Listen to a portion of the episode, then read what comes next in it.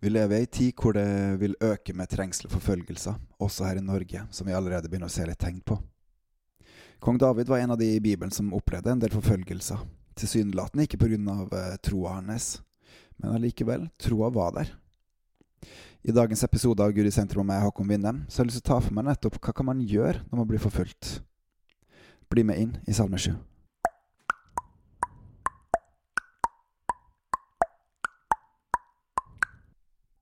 Salme 7 starter med følgende intro. En klagesalme av David. Han sang den for Herren på grunn av den meldinga Kurs fra Benjamin hadde brakt han. Hvem Kurs var, er litt vanskelig å vite, men sannsynligvis var han en tilhenger av Saul, og var en som var veldig oppbrakt over hva David gjorde, at han prøvde å stjele kongeriket fra Saul. Eh, men det som ikke Kurs visste, og det som vi vet, er jo rett og slett at det var Gud som ba Samuel om å salve David. Og hvorfor gjorde han det? Jo, fordi Saul hadde forkasta Herren, Derfor forkasta Herren Saul. Når man leser gjennom Salme 7, så er det ganske tydelig at David opplevde en stor, stor forfølgelse av Kurs. Kurs var en som virkelig var ute til å ta han, ta rotta på han, og han ønsket til og med sannsynligvis livet av David. Og det her gjorde nok til at David måtte flykte, han måtte nok gjemme seg, og han måtte søke tilflukt til at eh, han klarte å komme seg ovenpå og få makta slik at han kunne holde kurs i kontroll. Eller gjøre det motsatte, kanskje til og med. I denne flukten fra kurs så skrev han Salme 7. Og han ber Gud om å ta seg av denne situasjonen, både hjelpe han og straffe kurs. Men så har vi noen andre interessante biter underveis også. Fordi David han veit at han er et menneske. Han veit at han gjør feil. Og derfor så begynner han sånn, sånn som det her. Herre, min Gud, jeg tar min tilflukt til deg. Frels meg og fri meg fra alle som jager meg, så de ikke like som en løve river meg sund og drar meg bort uten at noen berger meg. Bare hør hvordan David legger livet sitt i Herrens hender. Han stoler fullt og helt på det. Og Samtidig kan vi også se fra Samuelsbøkene at David han var ikke en som bare satt og hvilte. Han flykta fra Saul mange ganger. Og samtidig, han gjorde sitt, og så la han livet sitt hos Herren. Herre min Gud, har jeg handla slik at det er urett i mine hender? Hør. Urett. David sier her, ok, hvis jeg har gjort noe galt, så Når man føler seg forfulgt, når man er forfulgt, lider under trengsler, så vil det alltid være en tanke, et spørsmål om har jeg gjort noe galt. Også det kan du gi til Gud. Videre. Har jeg gjort ondt mot mitt venn og rana min motstander uten grunn, da kan fienden jage meg og nå meg, trampe meg levende til jorda og kaste min ære i støvet. Og hvorfor sier han det? Jo, da fortjener han det. Reis deg, Herre, i din vrede, stå opp mot dem som raser imot meg. Våkne opp, min Gud, du som stevner til doms. La skaren av folkeslag samles omkring deg, og ta ditt sete høyt over dem. Og nå skifter han. Ok, hvis jeg har gjort noe galt, så fortjener jeg straff for det. Og samtidig, Gud, Herre, reis deg opp, må du være et vern for dine må vi folkeslagene reise oss opp og tilbe deg og følge deg. Og må du reise deg opp og regjere. Herre, du som dømmer folkene, hjelp meg til min rett, for jeg er rettskaffen og hel i min ferd. Gjør ende på de gudløses ondskap, men la den rettferdige bli stående.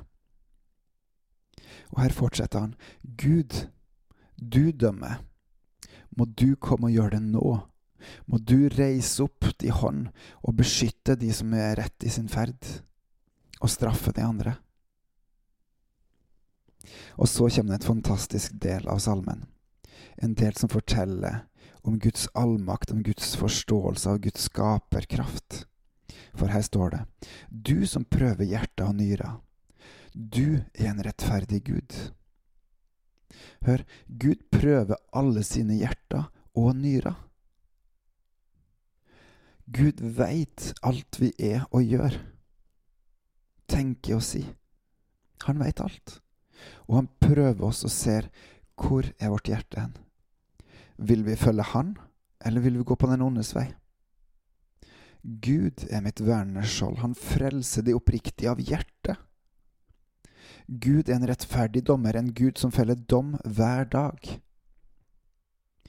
For alle oss som går til Gud, han er et vernende skjold. Han frelser oss, alle som går til han. Og hver dag så sitter han og dømmer. Han dømmer over det som skjer til enhver tid. Og enten vi får straffa vår her nå i dag, eller ved dommedag, vi får det vi fortjener.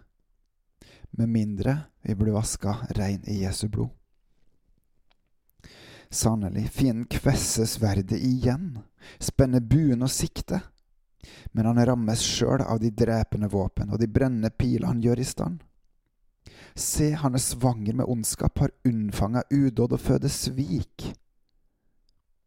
Bare hør under det presset som David lever under. Han er redd for livet sitt og veit at Kurs holder på å legge onde planer for å ta livet av han. Og hva gjør David? Han venner seg til Gud. Gud, jeg er sjanseløs, jeg kan gjøre visse ting, men det er kun med det at jeg har sjanse på å stå imot det her. Kanskje skulle jeg også sagt stå i det, fordi noen ganger så treffer disse brennende pilene. Men da er det viktig at vi reiser opp troens skjold, så vi kan beskytte oss mot alle den onde, ondes brennende piler. Og troens sverd, og rettferdighetens brynje, og sannhetens belte, og evangeliets sko og frelsens hjelm. Sånn at vi tar vare på det mest dyrebare vi har. Ikke livet her på jorda, men livet med Gud. Trua vår. Han, fienden, har gravd et hull og gjort det dypt, men faller sjøl i den grava han grov og det vil her gjøre uttrykket at man graver sin egen grav. Den som legger onde planer, vil falle i de sjøl. Den som legger planer om å destruere og tilintetgjøre andre, vil gjøre det samme for seg sjøl. Den udåd han har planlagt, kommer over hans eget hode. Voldsferden rammer hans egen panne. Er det ikke godt å vite at den onde, eller de onde, som legger planer, onde planer for å ta livet av oss, gi oss trengsler og forfølgelser. Det vil komme over de sjøl. Gud er vår Herre, Gud er vår verner. Ja, det kan skje onde ting her på jorda, det er ikke sikkert at vi berger livet her. Men uansett så har vi livet med Gud. Og den dagen vi er ferdige her på jorda, så vil vi få lov til å komme hjem til Gud. Og der vil det bare være godt. Der er det ingen som kan nå oss, der er det ingen som kan ødelegge for oss, skape trengsler og forfølgelser for oss, fordi vi har stått livets prøve, om vi vil holde fast ved Herren. Og nettopp det er det også han trekker fram i siste verset her. Jeg priser Herren for Hans rettferd, og lovsynger navnet til Herren, den høyeste. Gud står overalt. Gud har kontroll over alt.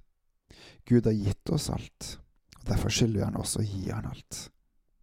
Og noe av det vi skal gi, er også de som forfølger oss, de som skaper trengsler for oss. Og la Gud ta seg av det. Herre, trengsler forfølgelser, ondskap, fiendskap, vondskap, smerte, lidelse, Alt det her er noe som vi er redd for, ikke har lyst på, frykter.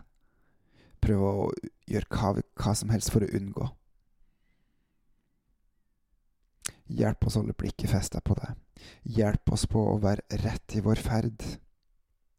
Til å være med deg, til å tilbe deg, til å søke deg, kjenne deg, og være dine.